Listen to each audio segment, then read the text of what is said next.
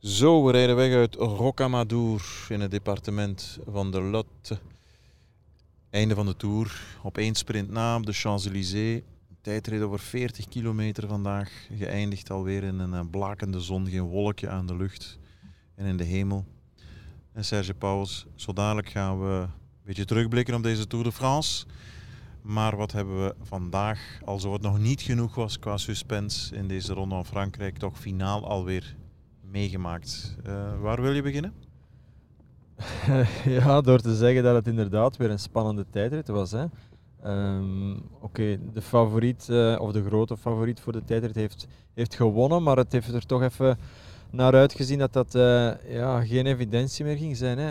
er kwam toch wel nog tegenstand van, ja, van de drie klassementsmannen, of de mannen die morgen op het podium in Parijs gaan staan als 1, 2 en 3 van het eindklassement. En ja, dat is niet echt verwonderlijk, maar uh, anderzijds op een, ja, een redelijk of relatief vlakke tijdrit hadden we toch niet gedacht dat de verschillen uh, zo klein gingen zijn.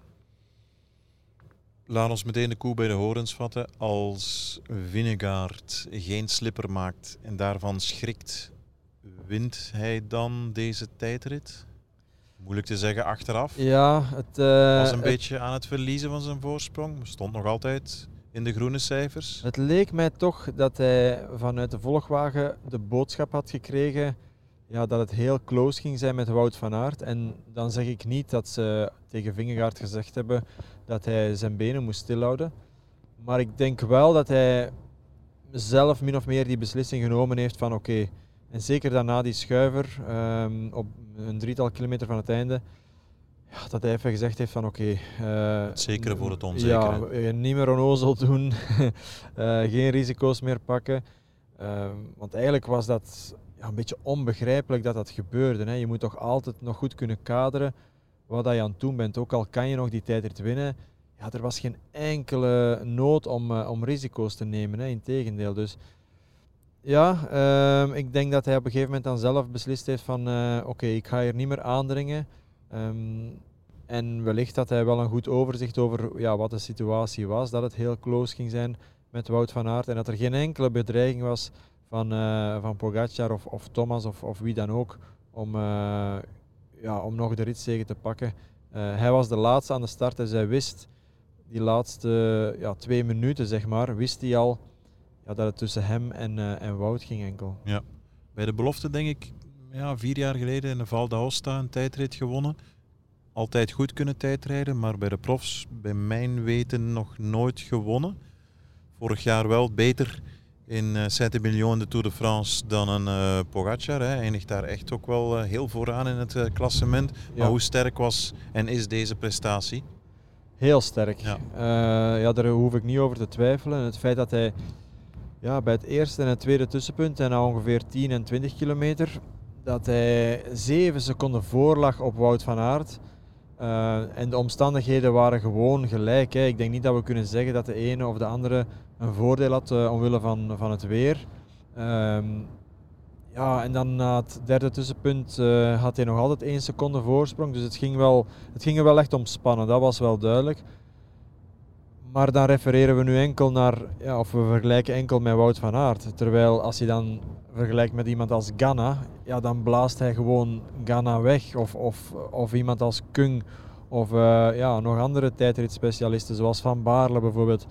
Ja, dat zijn toch ook jongens die, uh, die tegen de klok kunnen fietsen. En hij met zijn, ja, wat is het, 58 kilo, 60 kilo, ik heb geen idee. Ja, die geeft, uh, hij geeft die jongens gewoon fietsles. Hè. Van Aert wint dan alsnog, dat woordje alsnog klinkt zo vreemd, maar uh, wint een, pak zijn derde ritoverwinning. En morgen grote kans ook uh, op sprintoverwinning op de Champs-Élysées, net zoals vorig jaar. Concurrentie zal tegen gebeten honden als Jacobsen, Groenewegen, Caleb Ewan vooral en Jasper Philipsen, die zal echt fameus zijn. Wordt echt een sprint om duimen en vingers van af te likken. Maar uh, ja, alweer een tijdritoverwinning van iemand die er vanaf dag 1 stond ten dienste van zijn ploeg, voor zichzelf, bergop, bergaf, op het vlakke, in de sprint. En als je dat dan niet doet, dan ook nog eens in controle voor Laporte. Uh, ja, ik blijf erbij. De beste, de meest indrukwekkende man in koers pakt de groene trui, wint drie ritten, maar wint niet de Tour. Klinkt Nee, vreemd, de Tour is ja, natuurlijk, ik eh, wil zeggen. Hè? Ja. Ja, ja en, en je hebt er wel een goed punt. En natuurlijk is de Tour nog altijd een, eh, een klassement op tijd hè, voor het eh, eindklassement. En daarom bestaat er ook die groene trui. Er bestaat nu wel geen combiné-trui niet meer, maar dat zou misschien ook eh, iets geweest zijn waar Wout ja, zijn pijlen op had kunnen richten. Of, ja, hij is zo compleet en, ehm, en zo dominant dat hij ook, ehm, ja, zoals gisteren, hè, op weg naar ehm, de rit in Cahors, ja, dat hij zijn ploegmaat ehm, Christophe Laporte de kans geeft om te sprinten en zonder hem veel druk op te leggen, maar eigenlijk gewoon op dat moment halverwege de koers beslist, oké, vandaag ehm, mag jij sprinten Christophe en ik zal je helpen, ik zal je op drie kilometer van de meet afzetten. En ja, Christophe Laporte is dan nog zo sterk ook om die, om die kans te pakken en, eh, en met twee handen te grijpen en, en, eh, en de rit te winnen. Dus ja, het is een beetje het verdeel- en heers eh, systeem van, eh, van Jumbo-Visma geweest in deze Tour. Hè. Want vergeten we niet, is nu, ja, we zeggen een beetje al lachend van Vingegaard laat vandaag de etappe aan Wout. Hè. Dat is misschien heel scherp gesteld. Gisteren was het Wout die, ehm, die Laporte de rit liet pakken, maar de dag ervoor op, eh, op Otakam eh beslist de ploegleiding om, eh, ja, om Sepp Koes te laten rijden achter, achter Wout. Anders had Wout ook weer gewonnen. Dus het is echt zo, ja, er is, er is overvloed. Hè. Er is, ze hebben gewoon ehm, bijna te kiezen met wie ze de koersen winnen. Ja. Je hebt het eigenlijk treffend ook gezegd gisteren bij ons op de radio. Mocht dit een bokswedstrijd zijn waarin eh, scheidsrechters aan de, aan, de, aan de rand van het canvas oordelen, ja, dan zou er geen twijfel mogelijk zijn. Hè. Mocht iedereen punten mogen geven en beoordelen, dan, dan wint Wout van Aert deze Tour de France, ja toch? Ja, eh, natuurlijk, het, het, het werkt zo niet. En eh, mocht dat het systeem zijn, ja, dan zou iemand als Vingegaard misschien ook anders koersen. Hè. Wout rijdt hier nu eenmaal niet eh, om een klassement te rijden. En nog niet. Hopelijk komt, doet hij dat ooit wel. Dat zou toch wel eh, geweldig zijn om te zien. Ehm, maar ja, hij, heeft enorm met zijn krachten gewoekerd. Hè. Ehm, en oh, ja, gewoekerd is dan misschien een, een verkeerd gekozen woord, want dan, eh, ja, dat impliceert dan dat, het, dat hij energie verliest. En eigenlijk, we hebben toen in Longwy gezegd van ja, dit is misschien eh, ja, niet verstandig geweest hè, van Mhm. Wout om eh, zo lang voor een peloton te rijden. En hij gaat dat bekopen in de derde week. En kijk, eh, hij bekoopt helemaal niets. Hè. Hij, hij, is in hij is nog altijd de sterkste van het peloton. Ja, en dat toont dat hij gewoon overschot heeft. Hè. Dat hij ja, gewoon doet wat hij wil. En, en wellicht morgen ook nog ja, gaat proberen uit te pakken. Oké, tot daar de tijdrit. Ehm, even afstand nemen van deze ronde van Frankrijk. Die, ja, dat, dat, dat merk je aan alle meningen ook uh, waar dan ever. Dit is de mooiste in jaren. Moet eigenlijk al heel fel terug nadenken om nog iets mooiers te zien. Aantrekkelijkers. Het is, het is aanvallend. Wandeletappes, de saaie ritten. Dat is nog maar van een paar jaar geleden. De mannen van Wanti een hele dag vooruit. Guillaume van Kersburg of Offredo of met z'n drieën. Anthony Perez, noem maar op. Uh, dat was legio, dat was bijna wet. Dat bestaat niet meer. Ze koersen met open vizier, ze koersen onvermoeibaar, dag na dag. Uh, van waar dat, hoe verklaar je dat? Wel, ik denk in de eerste plaats dat de organisatie van de Tour hè, uh, en dan vooral parcoursbouwer Gouvenou, dat die wel hun les daaruit hebben geleerd. Hè. Want ik, ik, ik blijf vinden dat de Tour en het wielrennen in het algemeen gewoon een slechte beurt maakten hè, in, die, in die jaren. Um, heel veel mensen die, die geen fan waren van de sport, ja, die ga je ook niet lokken met, uh, met saaie ritten waarin er uh, niets te beleven valt tot uh, de laatste twee kilometer als er, als er moet gesprint worden. Dus um, er waren dit jaar duidelijk minder van die vlakke ritten waar er eigenlijk uh, ja, niets op het spel stond. Hè, waar, er geen, uh, waar er geen bergpunten te verdienen waren. Of misschien amper één of twee uh, klimmetjes van vierde categorie. Maar dan bijvoorbeeld zoals gisteren, dan hadden we wel zo'n rit. En ja, dan merk je toch dat er toch meer um, schwung in dat peloton zit. En dat er toch renners zijn die in de finale nog wel iets durven te proberen. Ik denk dat ja, het feit dat dat nu in die derde week Ehm, ja, dat er aanvallen kwamen, ook in die finale, zoals bijvoorbeeld van uh, Jasper Stuyven en Fred Wright. Ehm, dat dat komt omdat er um, zodanig hard gekoerst is dat er op de duur echt ja, heel veel vermoeidheid in dat peloton is geslopen. Hè. wat, er een, ja, wat ervoor zorgt dat er een groot verschil is tussen de, ja, de renners die nog effectief goede benen hebben en degene die ja, het dead wood van het peloton zijn. Hè. Het dode hout die gewoon nog meerijden en, uh, en eigenlijk enkel uh, nog daar zijn om het peloton te vergroten, om het zo te zeggen. Hoe groot is de stap die Van Aert dit jaar nog extra gezet heeft ten opzichte van de voorbije seizoenen? En dan moet je weten dat het in 2019 was dat hij voor, ja, met een half been voor dood is opgeraapt in, uh, in Po. Mhm. Verschrikkelijk. Daarvan is hij hersteld en kijk waar hij nu staat. En dit jaar zet hij nog een extra stap. Hoeveel procent plak je daarop? Oh, dat is echt moeilijk te zeggen. Ik denk dat hij en uh, Mathieu Heijboer dat misschien enkel kunnen becijferen. En, uh, en zijn trainer Mark Lambrecht. Um, maar oh, dat is echt um, dat is een moeilijke vraag. Ik, um, ik denk dat we ook niet mogen vergeten dat hij vorig jaar ook wel de rit over de Van Toe heeft gewonnen. Dat dat ook heel, uh, heel sterk was.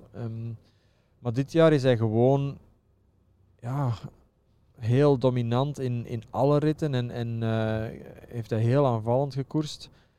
Um, het leek ook wel alsof hij enorm goed herstelde, hè, want uh, er is geen enkele dag geweest waarop hij ja, minder leek. Um, dat was nu misschien in het verleden ook niet zo, maar ja, meer en meer moeten we echt gaan denken dat hij op een dag, en dat hoeft zeker niet volgend jaar te zijn, maar dat hij op een dag wel eens uh, klassementsambities kan, uh, kan uitspreken voor zo'n grote ronde. Ja.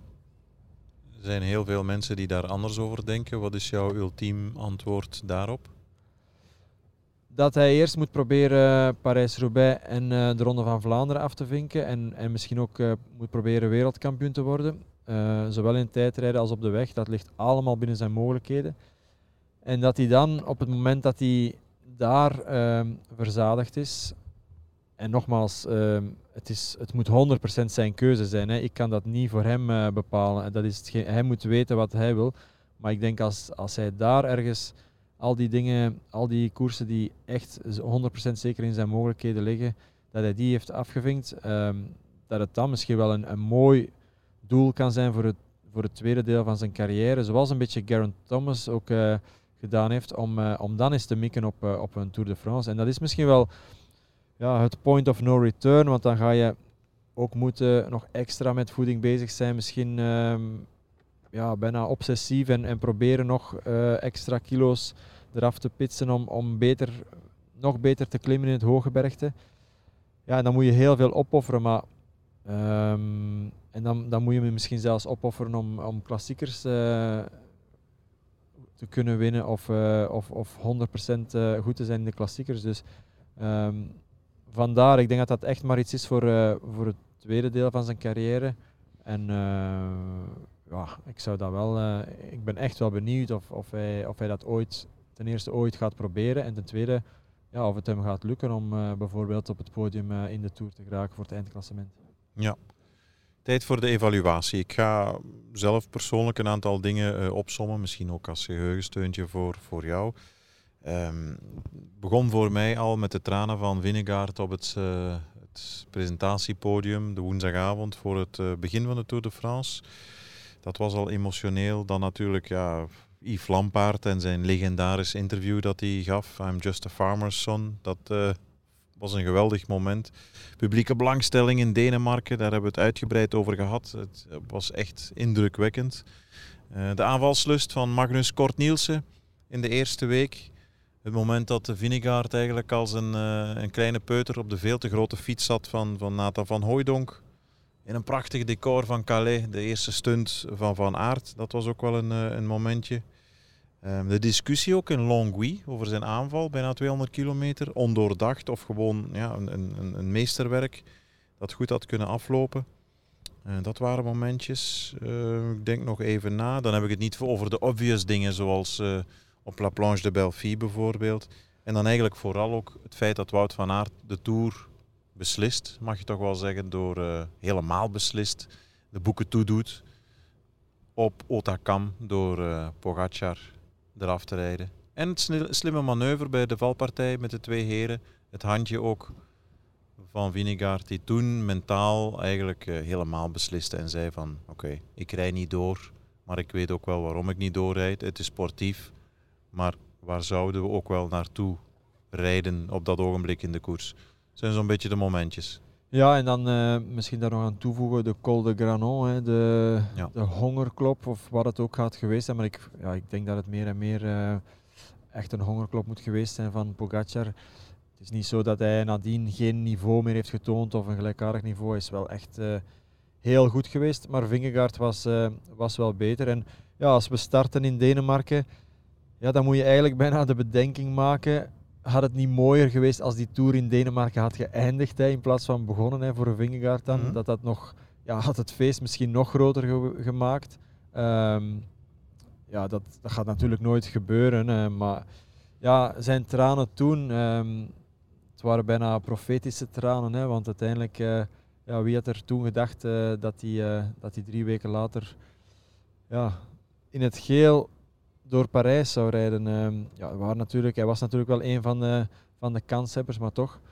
Ehm, na die eerste week uh, zag het er eigenlijk voor hem toch, ja, toch niet zo geweldig goed uit. Um, hij, was wel goed op Planche de Belfi, maar als je dan vooral die Roubaix bekijkt, ja, dan was het toch uh, chaos en dan was het toch wat geklungel hè, bij Jumbo-Visma. En, en dan leek eigenlijk Pogacar, vond ik, uh, ja, op weg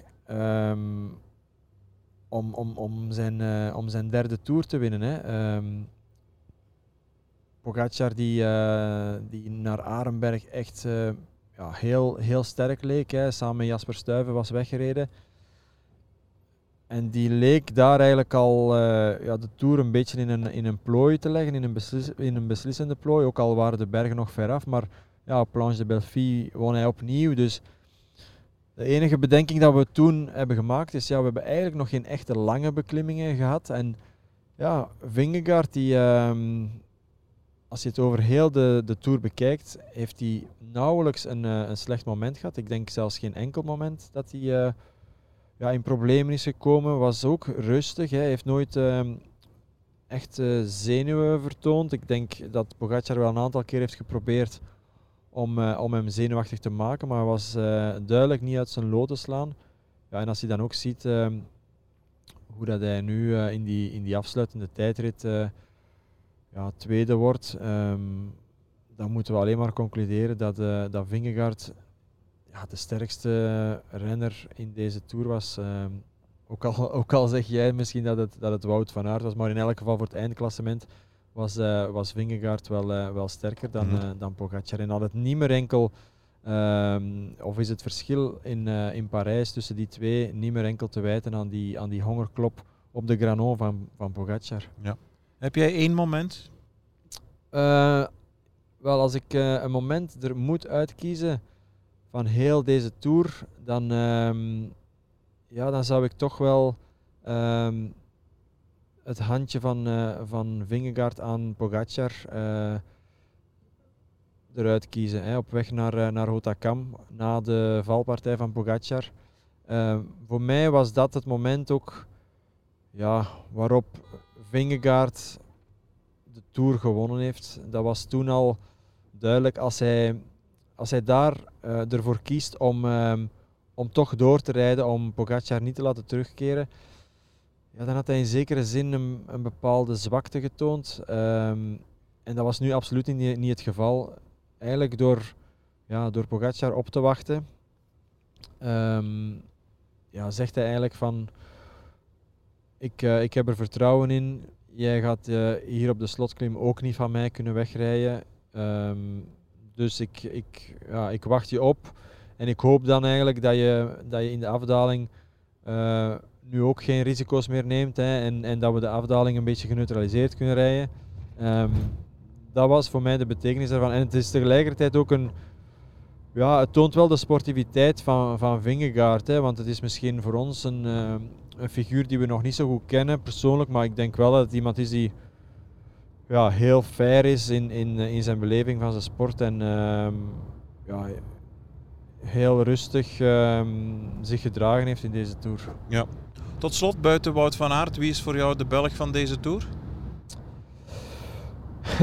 ja, uh, ik heb het deze week al gezegd. Hè. Vaak uh, als journalist uh, het hebben over ja, de Belgen in de Tour, hè, dan wordt er vaak een, rapport opgesteld. Zo. Uh, en nu is dat helemaal geen item niet meer. Hè. De Belgen in de Tour, ja, er is maar bijna maar één Belg in de Tour geweest, hè, om het allez, heel scherp te stellen. Maar Wout is bijna een ploeg op zich. Um, en uh, ja, in zijn nabijheid um, moet ik al even nadenken wie dat er. Uh, of, of, ja, of moet ik al even denken ja, hoe dat de andere Belgen het gedaan hebben. Ik denk dat... Uh, ja, bergop Dylan... is dat voor mij Ties Benoot. Maar als je kijkt ook naar een Tuurlijk. aantal sprints die Philipsen gereden heeft... Ja. Uh, op zijn analene, om het in het slecht Nederlands uit te drukken. Soms heel van ver komend. Ja. Stranden op de tweede plaats, derde plaats, maar eigenlijk de snelste sprintrijder is Philipsen dat voor mij. Ja, wel. Met een Jonas Ricard wint hij misschien meer. Ja, Philipsen uh, is, is zeker ben echt blij dat hij in Carcassonne heeft kunnen winnen. Dat was oververdiend.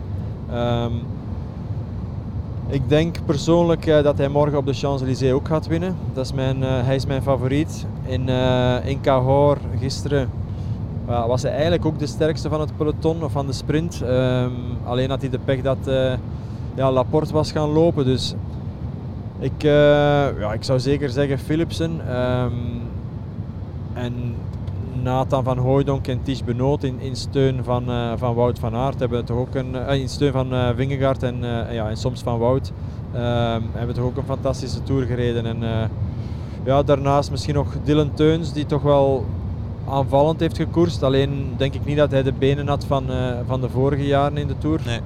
Ehm, maar hij was, hij, was zeker wel, hij was zeker wel goed. Waarvan heb je persoonlijk het meest genoten? Van een uitzicht, van een uh, lekkere maaltijd? Aan foie gras doen wij niet. Um, een mooie aankomst op een col. Dan moet ik ook even denken. Ik, ik, ik heb enorm genoten van de spanning in deze tour. Ik heb me echt vaak. Uh, ja, ik, ben, ik heb me vaak bewust gemaakt van het feit dat dat niet normaal is dat we geen enkele rit met onze vingers hebben moeten draaien, Christophe. Hè? Ja. Dat dat echt uh, ja, een zegen was om, om deze tour te mogen becommentariëren. Dat het, ja, dat het altijd wel uh, spannend was. Um, ik geniet natuurlijk van, uh, van de bergrit. Ik vond Alpe d'Huez bijvoorbeeld ook wel heel fijn om, om daar boven te zijn. een aantal mooie aankomsten gezien, hè, zoals in Maanden bijvoorbeeld, vond ik ook, vond ik ook wel tof ja, uh, prachtig weer gaat in deze tour, wat ook niet gegarandeerd is. Dat maakt het eigenlijk allemaal uh, heel, heel mooi. Hè. Um, ja, als ik echt één moment moet kiezen. Mm, dat is een moeilijke, maar ja, ik, ik, zou, uh, ik zou zeggen Alpe d'Huez, uh, omdat dat toch ja, een beetje een mythische berg was. En, en om daar de renners te zien bovenkomen, dat vond ik wel, uh, vond ik wel heel speciaal. Ja. Voilà. Dankjewel voor uh, al die podcast-afleveringen. Serge Pauwels, dat was uh, andermaal leuk om te doen. En tot volgend jaar. Hopelijk.